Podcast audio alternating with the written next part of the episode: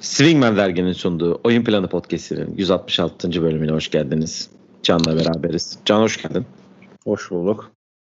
Öncelikle tabii ki de seni tebrik ederek başlamak istiyorum. Çünkü geçen yayın bahsettiğimiz o playoff bileti son 3 maçta geldi diyebiliriz. Evet bahsetmiştik 8 maç kala biz bir hedef koyduk. 6 8 maçın 6'sını kazanacağız diye. 6'sını da kazandık ama sondan önce oynadığımız Minnesota maçını kazanarak garantilemiş olduk. En son oynadığımız Connecticut maçı da 6 maçı kazanmamızı sağladı. Şu anda Las Vegas'tayım. Yarın ilk akşam e, yarın ilk maç var. Akşam 7'de. İkinci maçta pazar günü bakalım. Eğer buradan bir tane alabilirsek Chicago'da e, serinin son maçını oynayacağız. Geçen sene de bu durumdaydık. İçeride ilk maçı kaybetmiştik. New York'a seriyi belirleyen maça gitmiştik. İnşallah biz de aynısını yapabiliriz burada. Hiç olmazsa seriyi Chicago'ya taşıyalım. Bir tane alalım. Evet hedef şu an o. Çünkü birinci Las Vegas'ta oynayacaksınız. Ki bu 8 maçlık şeyde de bir e, bir kere onlarla oynadınız.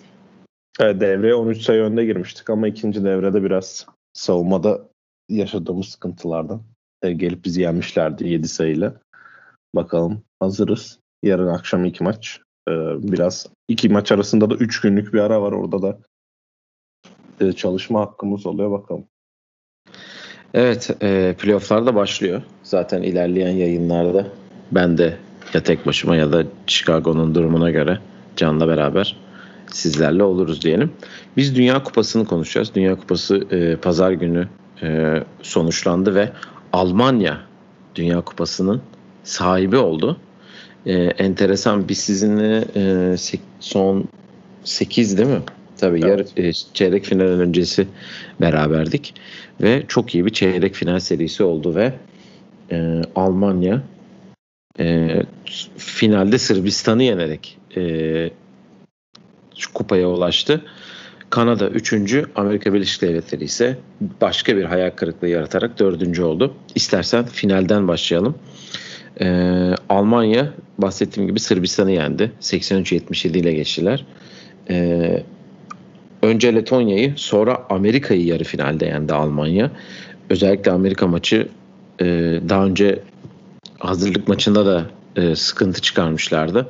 Ama e, Amerika bu üstüne çok fazla düşünmemiş gibi e, çıktı maça ve e, acayip bir Almanya performansıyla kaybedip finalde e, finale çıkmayı ka- garantiledi Almanya. Ya önce finalle başlayalım dediğin gibi. Yani finalde Sırbistan'ın e, bence Kanada'yı daha yani daha rahat yani Almanya'nın Amerika'nın daha rahat yendiğini söyleyebiliriz. Ve Sırbistan o performansından sonra e, ben biraz Sırbistan'ı favori görüyordum ama finalde Almanya'nın namalup gelmesi, turnuvada namalup kazanmaları zaten bu turnuvanın şampiyonluğu hak ettiklerini de gösteriyor. Finale özel olarak bakacaksak da e, Schroeder çeyrek finalde Letonya'ya karşı çok kötü oynadıktan sonra tamamen kendini toparladı. Hem yarı finalde hem finalde takıma liderlik etti ki finalde çok iyi oynadı.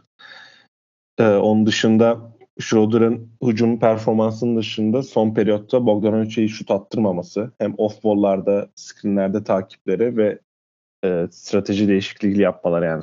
Bogdanovic'in kullandığı her screenlerde pivot savunmacısının ikili sıkıştırma getirip topu Bogdanovic'in elinden çıkartması bu tamamen Avramovic'e yaradı ama zaten yani plan olarak da Bogdanovic atmasını yaptığın zaman başkası da atacak illaki. Bu da Avramovic oldu. Ve Guduric'in de kötü performansıyla saha içi hiç isabeti yok 21 dakikada ve maçın en kritik topunu köşeden kaçırdığı üçlükle maçı beraber yapacakken kaçırdı. Biraz da oradan eksi yazdı kendisine deyip. Hani Almanya bence e, genel olarak baktığımızda namalup şampiyon olup ve hücumda bence turnuvanın en iyi takımı takımıydılar. Yani ko- köşeleri bir kere turnuvanın en iyi kullanan takımı. Her basketlerini izlediğiniz zaman her zaman bir tane köşenin dolu olduğunu ve o köşenin dolu olmasında yardım getiremem, rakibin yardım getirememesinden sağlıyor. Burada da özellikle buldukları üçlüklerdeki çok kötü yüzdeli atmadılar. Finalde özel Obst'un yarı finaldeki performansından sonra finalde 3'te 1 ile oynadı sadece üçlükten ama Almanya e, Tyson'ın kısa devrilmeleri olsun. Ona da çözüm bulduktan sonra Sırbistan tamamen hani bire bire kalan Wagner'le Schroeder'la birlikte iyi, iyi bir ucum performans gösterip şampiyonluğu da hak ettiler ki son periyodu kaybetmelerine rağmen momentumu da vermişlerdi bence. Üçüncü çeyrek 22-10'la geçmiş. Ee, ki Franz Wagner de bir, daha önce bahsetmiştik ki oynamadı. Ee, ilk grup maçından sonra bir sakatlık geçirdi ama hem yarı finalde hem de e, finalde e, iyi oynadı. Yani başarı Rockets tedrisatından geçiyor diyebiliriz. Dennis Schroeder ve Daniel Tice gibi iki e, Rockets tedrisatından geçmiş oyuncunun bu kupayı aldığı için de ayrıca mutluyuz tabii ki. Ee, yani Sırbistan Kanada'yı geçtikten sonra ben herhalde hani Sırbistan acaba e, alacak mı bu e, kupayı derken e, Guduric buna engel oldu biraz. İstemedi pek. Yani biraz onu eleştiren e, yazılar gördüm açıkçası. Yani Almanya ile ilgili zaten turnuva başında da demiştik acaba mı hani atlet, atletizm olarak Amerika'ya yakın Amerika ve Kanada seviyesinde belki Kanada'dan da iyiler. Belki hani eğer koyarsan e, teraziye belki daha ağır çıkar. Ama e, yetenek olarak sıkıntıları vardı dedik. Amerika'ya karşı dediğin gibi Obst'un 24 sayısı, Tyson 21 sayısı e, Amerika uzunlarına ciddi problem çıkardı. Yani Amerika dediğim gibi Litvanya'ya Litvanya'ya yenildikten sonra bir ders çıkarmışlar. İtalya'ya patladılar ama Almanya'ya karşı hiçbir önlem almayıp sahaya çıkmış gibilerdi. Ee, Almanya üzerinde de iyi bir jenerasyon yakaladılar. Yani geçen sene e, Avrupa Şampiyonası'ndan beri 16 maçta 14 galibiyet almış bir takım. Ve bu turnuva hiç kaybetmediler. Diğer iki maçı da Avrupa Şampiyonası'nda kaybettiler zaten. Ee, onun için iyi bir jenerasyon. Dennis Schroeder'in e, Paddy Mills'ın giydiği e, FIBA e, kostümünden daha iyi bir kostüm giyerek zaten turnuvanın da MVP'si seçildi. E, var mı senin finalle ilgili başka söylemek istediğin bir şey? E, ya şöyle yoksa bir şey direkt... ekleyeceğim. Amerika ile Amerika ve Sırbistan'ı bağlaştırarak burada iki takım da özellikle Amerika senin dediğin gibi çıkardığı derslerden bir tanesi tam sağ pres yapıp belki rakibi hızlandırmak ve top kaybına zorlamak ya da topa baskıda e, daha fazla vitesi arttırmak oldu. İtalya patladılar evet ama İtalya'nın hani Schroeder gibi bir oyuncusu yok. Aynı zamanda Sırbistan da bunu denedi ama Almanya'nın bence iki maçta da yaptığı en önemli şey pres geldiği zaman tamamen hızlı hücumlarla bunları cezalandırmak ve preste de yani bir takım pres yapıyorsa ya top kaybı zorlamak için ya da rakibi yavaşlatmak için. Yani sonuçta prese yerleştiğin zaman eğer ikili sıkıştırma getirmezsen topu e, ileri sahaya getirmelerini yavaşlatıyorsun. Sırbistan'ın amacı bu olabilirdi ama Almanya presi ilk gördüğü zamanlarda çabuk basketler bulduğu zaman rakip koçun kafasına bir soru işareti çıkarıyor. Bunu çok iyi yaptılar. Özellikle Amerika karşısında bunu hani daha ilk periyotta gelen preste bir tane iki pas üzeri direkt smash buldular yanlış hatırlamıyorsam. O zaman bunu yaptıkları zaman da hani rakip koç bir tane e, kartını kötü kullanmış diye düşünüyor. Sırbistan karşı bunu çok iyi yaptılar ki hani finalde dediğin gibi hani Schroeder, Wagner bu büyük oyuncular ve bu jenerasyon yakalandıktan sonra biraz da alışkanlıklarını getirmiş oldu ki hani Avrupa Avrupa Şampiyonası'nda çok iyilerdi. Buraya kazıyarak geldiler ve çok hak ettiler. Tebrik ederim Almanya'yı. Ee, Almanya Futbol Federasyonu'na da bir mesaj var. Yani ülkenin en önemli basketbol e, başarısının geldiği maçın esnasında da futbol koçlarını kovarak tamamen hani bu Amerika'da çok yapılan Cuma akşamı haber. Cuma akşamı haberi denen bir durum. Yani Cuma akşamı haberi salarsın ki Cumartesi Pazar hiç sabah programları çıkmadığı için özellikle ESPN'de en büyük haberleri o zaman salarlar. Amerika futbol, Almanya futbol takımı da bunu yapmaya çalıştı. Koçlarını kovarak ama basketbol başarısına gölge düşürdüler biraz ama çok iyi hak ettiler. Buradan da koçu kutlayalım. Gordy Herbert'ün maçtan sonra yerde oturup tamamen tükenmiş bir vaziyette bir videosu vardı. Onu çok iyi anlayabiliyorum. O evet. Onu da tebrik edelim. Evet o, çok güzel bir e, kareydi. E, Kanada Amerika maçına geçelim. E, Kanada uzatmada Amerika'yı 127-118 geçerek tarihinin ilk madalyasını aldı diye. Benim yanlış hatırlamıyorsam. Ee, Kanada zaten senin de e, turnuvanın başında yayında dediğin gibi hiçbir beklentin olmayan Kanada e, bronz madalyanın sahibi oldu ve süperstar e, damgasını hak etmeyen Dylan Brooks'un da tabii ki 39 sayısı müthiş bir e, yarı e, yarı finalde değildi kaybettiler ama çeyrek yarı ve final performansından sonra e, biraz Amerika'ya karşı yapması enteresan bir e, du, olay oldu tabii. E, SGA 31 sayı 12 rebound RJ Barrett'ı 23 sayıyla Kanada'yı galibiyete taşıdı. Diğer tarafta Ant 24 sayı Austin 123 Mikael Bridges de 19 sayıyla e, mağlubiyete engel olamadılar. Vallahi ben bu maçı Brandon Ingram, Paolo Banchero ve Jaren Jackson kadar e, kale aldım. Katkı, katkı verdin diyebiliriz. Aynen ben kale o kadar önemsedim bu maçı ve izlemedim. E, o üçü de oynamamayı tercih ettik. Brandon Ingram'ın bir hastalığı vardı. Yarı finalde de oynamamıştı da. Ya Kanada için bir kere çok güzel bir e, olay. Çünkü uzatmaya giden bir maç. Amerika'yı yenip böyle bir e, madalya almak. Tarihlerinde ilk madalyaymış. E, yanlış hatırlamıyorsam yaklaşık 60 yıldır ve NBA oyuncularının geldiği bir turnuvada ilk kez böyle madalya alıyorlar. Yani Steve Nash'in gelmesiyle zaten Kanada'da Steve Nash'in e, Kanada forması giydikten sonra başlayan bir NBA tufanı. Kanada bu, ilk kez bu, bir turnuvaya bu kadar fazla NBA oyuncusuyla katılıyor. Olimpiyatlarda kalmaya hak kazandılar ki bu bence onlar için çok önemli bir olay. Çünkü eğer eleme oynayacak olsalar belki bu kadronun yarısı biz eleme mi oynayacağız? Yazın bir de oraya mı geleceğiz? Bir de kazanırsak bir de olimpiyata gideceğiz. Yani bir 60-80 günlük bir olay olacakken bir olimpiyata kalmaları belki şimdi 12 oyun herkesin tamamen e, commitment yapmasını sağlayacak ki bu Jamal Murray'i ekliyor bu kadroya ve Andrew Wiggins'i de ekliyor. Hı-hı. Onlar için çok sevindim. Bir beklentim yok derken tamamen bundan bahsediyordum. Yani ilk kez böyle bir turnuva oynayacak bir kadro. Kaybedecek hiçbir şeyleri yoktu. Sırbistan daha iyi takıma kay yani o gün daha iyi basketbol oynayan takıma kaybettiler. Ve hı hı. oynama alışkanlığı olan bir takıma kaybettiler. Ama Amerika'yı yenmeleri de benden bence onlar için çok önemli. Sonuçta böyle şeyler biliyorsun bir ülkede her şey bir sporun gelişmesini sağlıyor. Evet Kanada'da ne kadar okey bir numarada olsa da böyle başarılar hani Amerika'yı yenen takımı hiç kimse unutmaz. Hani biz de e, o şansa erişiyorduk ilk kere. Ucundan döndük. Bir tanesi dünya şampiyonası finali oldu. Ama bu Kanada için çok önemli. Ben çok sevindim. Önce, yani dediğin gibi Dylan Brooks'un 40-39 sayı atması da gayet güzel oldu bence.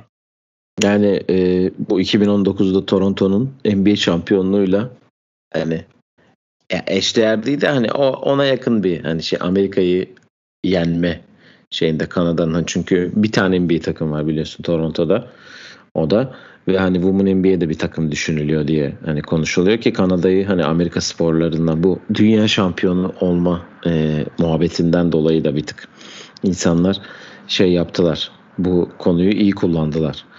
E, maç özelinde e, ya Bikal Bridges'in üçlü olmasa zaten maç çoktan bitmişti. O saçma sapan faulü kaçırıp köşeden attığı üçlük. Ama Ender Aslan'a e, bir mesaj çaktı orada. Evet. Orada bir selamını yolladı. İzliyorsa ikisine de buradan biz de selam yollayalım. ee, yani demin söylediğim rakı terdisatı daha formayı giymeden farkını belli etti Dylan Brooks. 7, 8'de 7 sokmuş yani. Ne anlatayım Dylan ki? Brooks 50... Bu sene bir maçta 7 tane üçlük atsın bir sana bir yemek borcum olsun. Tamam bu da kayıtlara geçti arkadaşlar. Burada hepiniz şahitsiniz. Evet. Ee, 82 maçımız var. İnşallah birinde atar. İkisi, iki tane atarsa ben sana ısmarlayayım. Okey. Uyarsa sana da. Uyar uyar. Tabii ki de. İki tane atamayacağı için rahatım. Bir tane yatsın yeter.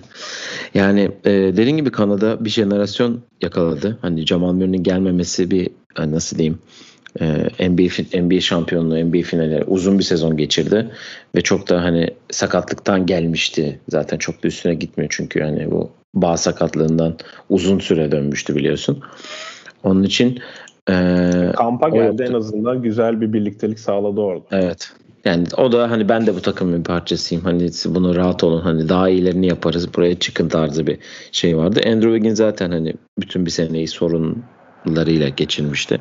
Ondan ıı, çağrılmadı herhalde. Ama işte dediğim gibi hani uzun çoğu NBA oyuncusu pardon e, çoğu NBA oyuncusu ve e, uzun sürüyor. E, sezonları dediğim gibi gelmeyi bilirlerdi. Var mı eklemek istediğim buraya herhangi bir şey? Ee, kısaca ödülleri söyleyeyim sonra Amerika faciasını yolumuza alalım. Turnuva ile ilgili son bilgileri vereyim. Ee, Josh Giddy turnuvanın en en iyi genç oyuncusu seçildi Avustralya'da. Ki Avustralya'da turnuvayı 10. sırada tamamladı. Bence turnuvanın en büyük hikayelerinden biri olan Letonya 5. sırada bitirdi. Koçu Luka Bianchi, Luka Banki Luka Bianchi başka biriydi. Luka Banki e, turnuvanın en iyi koçu seçildi. E, savunma en iyi savunmacı Dylan Brooks seçildi. Turnuvanın ikinci takımı e, Fontecchio, Zagars, Yalens Valenciunas özür dilerim. Mulitino ve Franz Wagner oldu. Ve turnuvanın en iyi beşi de tabii ki Dennis Schroeder MVP oldu. E, başı çekerken SGA, e, Anthony Edwards, Bogdan Bogdanovic ve Luka Doncic seçildi. E, senin ödüllere karşı söylemek istediğin. Bu arada Zagars'ı da Fenerbahçe Beko e, alıyormuş ama sonra kiralık olarak yollayacaklarmış gibi de bir e, haber var. Evet Luka Doncic sayı kralı oldu ve hani takımı onlar e, 7. bitirmesine rağmen ilk 5'e girdi. Anthony Edwards da yani bence çok iyi performans gösterdi. İlk 5'e girmesini de hak etti diyebilirim. Onun dışında MVP zaten Schroeder hak etti. Bu ödüller güzel oluyor böyle dünya şampiyonasında. Baktıktan sonra bir yani 10-15 yıl sonra baktıktan sonra ilk 5'e bak bakınca hani o dönemde basketbol domine eden oyuncular kimdi diye bakıyorsun. O yüzden güzel oluyor. O yüzden de tebrik ediyorum yani herkes. Buradan dinliyorlarsa bizi mesajımızı yollamış olalım. Evet. Ee, gelelim Amerika faciasına tabii ki de. Facia diyoruz çünkü madalya yok. Yani dördüncü olmak belki bizim ülkemiz açısından çok önemli bir başarı olabilir ama tabii ki NBA oyuncularından kurulu bir kadroda favori olarak geldiğiniz bir turnuvada e, madalya alamamanız üstüne üstlük bunu 2014'ten beri yapamıyor olmak e, tabii ki bir hayal kırıklığı oluyor. Ben sana ilerleyen şeylerde bir soru soracağım. Senin genel bir görüşünü alayım. E, buradaki üç suçlu kim sence? Bir kere üç yani üç suçlu isimden çok bence e, Amerika Basketbol Federasyonu'nun, yani Grant Hill'in başını çektiği federasyonun bu Amerika milli takımında oynamaya baktığı bakış açısı ve bunu çok net açıklayan bir e, J. Wright tweet'i var. Şimdi tweet'in gerçeğini tamamen bulmaya çalışacağım. E, J. Wright tweet'inde şöyle bir şey diyor. E, turnuva bittikten sonra attı bu tweet. Onda da diyor ki Amerika milli takımında geçtiğimiz 40 45-50 günde hayat e, hayatını işte sacrifice edip ailesini ve eşiyle, ailesiyle, eşiyle ve aile, zaman geçirmeyi fedakarlık eden oyunculara, koçlara ve bu işi gönüllü olarak yaptıkları için hepsine teşekkür ediyoruz diye bir tweet atmış Jay Wright. Hı hı. Ee, işte Almanya, Sırbistan, Türkiye yani bu ülkelerde hatta dünyadaki bütün diğer ülkelerde belki Kanada'da Alman, e, Amerika ile birleştiriyorum bütün ülkelerde bu oyuncular milli takım formasını giymek için can atarken e, Amerika'nın milli takıma bakış açısı bu duruma geldi. Çünkü ellerindeki çokluktan dolayı. Önceki turnuvayı 7. bitirdiler. Bu turnuvayı 4. bitirdiler. Dünya şampiyonlarını ne kadar umursadıklarını biliyoruz zaten. Çok da umurlarında değil. Önemli olan onlar için olimpiyatlar ve e, bunu suçlu bulmak yani oyun saha içine bakacak olursak suçlu buluruz ama genel resim olarak ben bunu düşünüyorum. Saha içine gelecek olursak da e, Steve Kerr tabii e, bir numaralı bence. Burada çünkü Jalen Jackson Jr.'ı yola çıkıp NBA'de bir kere en iyi pozisyonunun 4 olduğu ve yanında Steven Adams'la muhteşem oynayabilen bir oyuncuyla hem kadroya bir tane 5 numara getirmesi Walker Kessler. Walker Kessler'la da hiç birlikte onu oynatmamasından dolayı böyle bir sıkıntı yaşadı ve fiziksel olarak takımın ne kadar ezildiğini bence her maçta gördük ve bunu iyi kullanan iki takım e, Amerika'yı bence sağ içinde domine etti. Kör dışında cidden şu an başka biri de gelmiyor aklıma öyle hani sağ içinde. Karar Oyuncuları çok fat faturayı kesemiyorsun galiba. Oyunculara faturayı kesemiyorum çünkü e, hepsi yani işte Austin Reeves evet savunmada sıkıntı yaşadı. Tyrese Halliburton savunmada sıkıntı yaşadı. Anthony Edwards'ın bencil olduğu anlar var. Jalen Brunson bence Almanya maçında e, Dennis Schroeder'dan daha kötü oynadı ortada. Ama FIBA'da dediğim gibi yani Schroeder 2015 Eurobasket'ten beri her turnuvada Almanya ile gelmiş.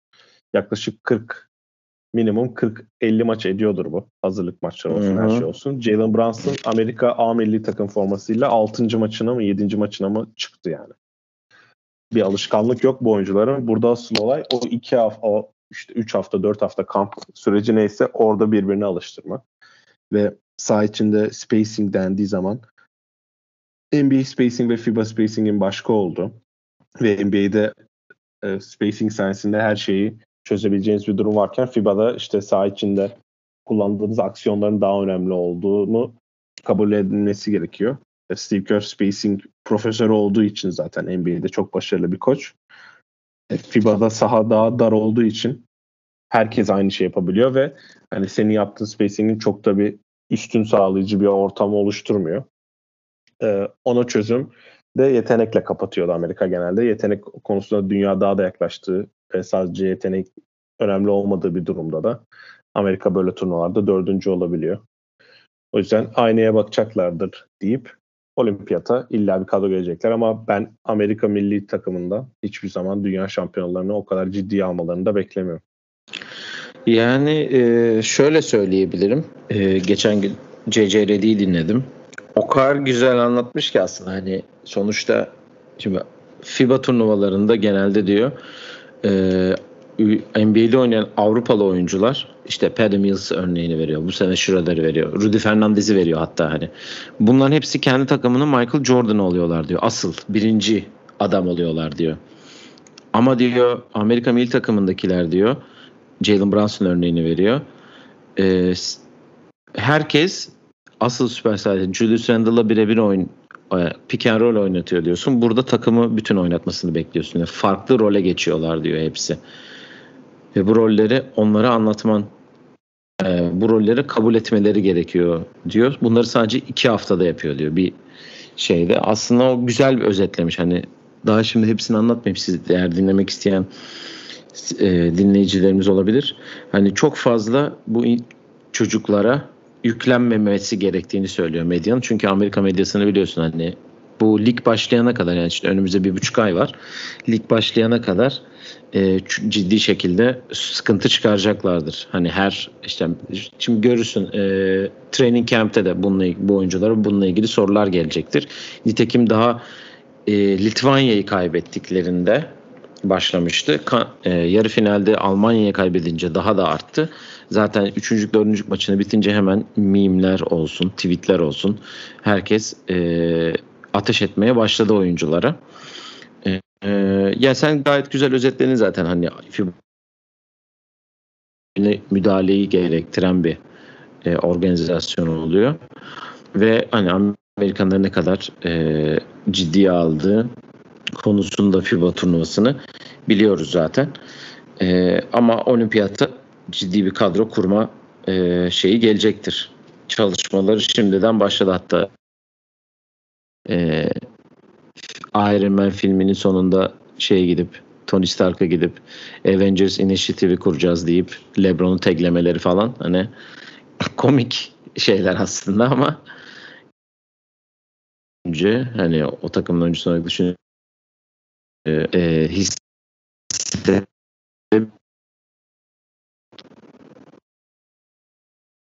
Ee, yani 2014'ten beri alınamayan bir e, şey de var.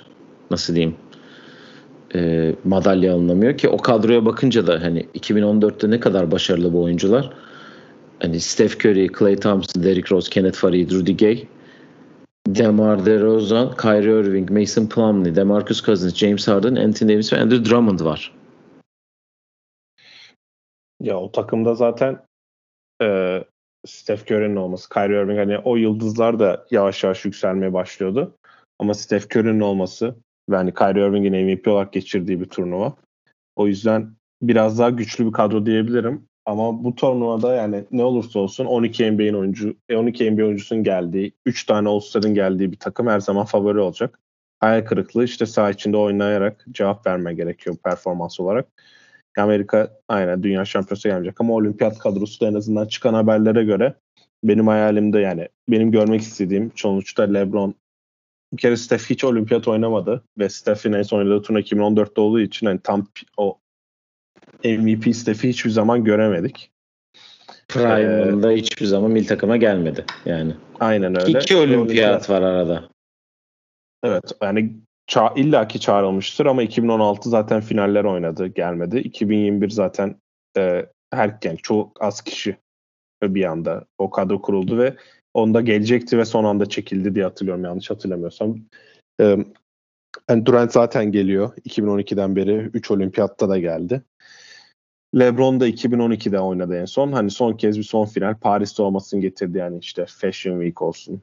Avrupa'da olması olsun. Hani NBA oyuncuları zaten tatil yapmaya da Paris'e gittiğini düşünürsen daha bildikleri bir yer. O yüzden benim gördüğüm videolarda da insanlar herkes Paris'e gitmek için e, yırtacak diyorlar. Sonuçta bu 12 kişilik bir yer. Ve bu kadroda çıkan isimlerin çoğu giderse de Amerika tabii ki yine her turnuvada olduğu gibi favori olarak gidecek ama saha içinde de güzel basketbol izleyebiliriz diye düşünüyorum. Kör'ün sözleşmesi devam ediyor galiba zaten. O büyük ihtimal devam edecek. Sanırım bu olimpiyattan sonra Eric Spoelstra'ya geçiyor olması lazım. Çünkü e, e Mike Krzyzewski'den sonra hep herkese dörder yıl yani dört yıllık bir pencere verdiler diye hatırlıyorum yanlış hatırlamıyorsam. O pencere kapandıktan sonra bir sonraki kişiye geçiyor ama e, bir arada da tercihe bırakıyorlar. Çünkü Grant Hill geldikten sonra hani öyle bir açıklama yapılmadı. Sonuçta hepsi Grant Hill'in tercihinde kalıyor. Peki senin kafandaki 12'yi hemen alayım o zaman. Bir şey yapalım. Bir 12 oluşturalım seninle.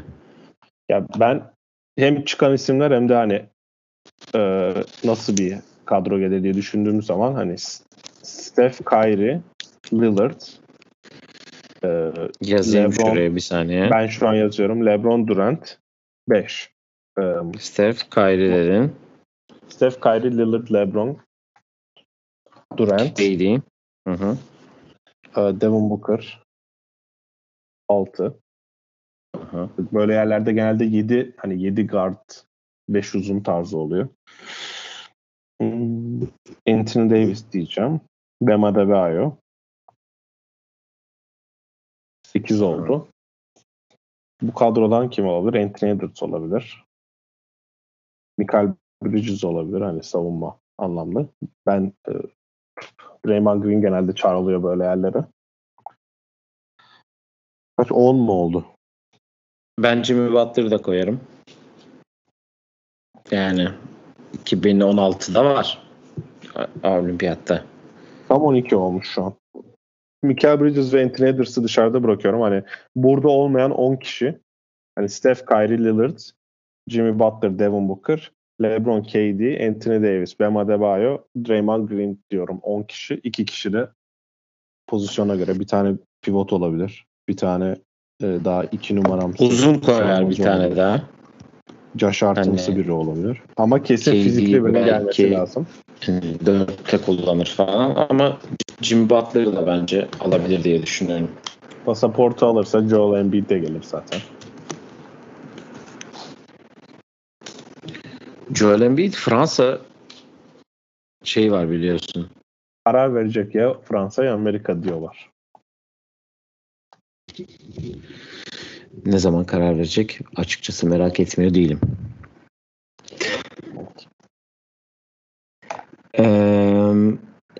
Evet yani Dünya Kupası böyle sonuçlandı. Bakalım önümüzdeki günlerde zaten oyuncular da dediğim gibi NBA'de training camp'ler başlıyor. Oyuncular da bunlarla ilgili birkaç açıklama yapar herhalde diye düşünüyorum. E, ağzına sağlık. Var mı eklemek istediğin herhangi bir şey senin? Şöyle bir detay vereyim. Tyrese Halliburton'un yere düşüp Ops'un üçlük soktuğu maçı bitiren baskette Almanya'nın dipten oynadığı seti biz de oynuyoruz Chicago Sky'da. Ee, ve ben Aynı verimi veriyor mu? Maçlarında. Ya biz bunu hazırlık maçlarında, ben bunu hazırlık maçlarında da görmüştüm. Verim olarak biz genelde orada Wagner'e e, upscreen geliyor Tyson. Orada biz turnikeyi buluyoruz daha fazla. Üçlükte öyle bir e, üçlükte daha e, genelde bize Halliburton gibi üstten takip etmiyorlar. Alttan geçiyorlar ama aynı verimi aldığımız dönemlerde oluyor tabii. Göreceğiz diyelim. Size de başarılar dileyelim. Bu arada Kaan'ın da sözleşmesini de e, buradan tebrik edelim. Chicago'da Evet. kalması. Chicago uzattı. için iki sene uzattı. Önemli bir e, ve biz önümüzdeki günlerde NBA'ye geri dönüş yapacağız ve sizlerle sezon öncesi sezona dair hazırlıklarımıza biz de e, başlayacağız.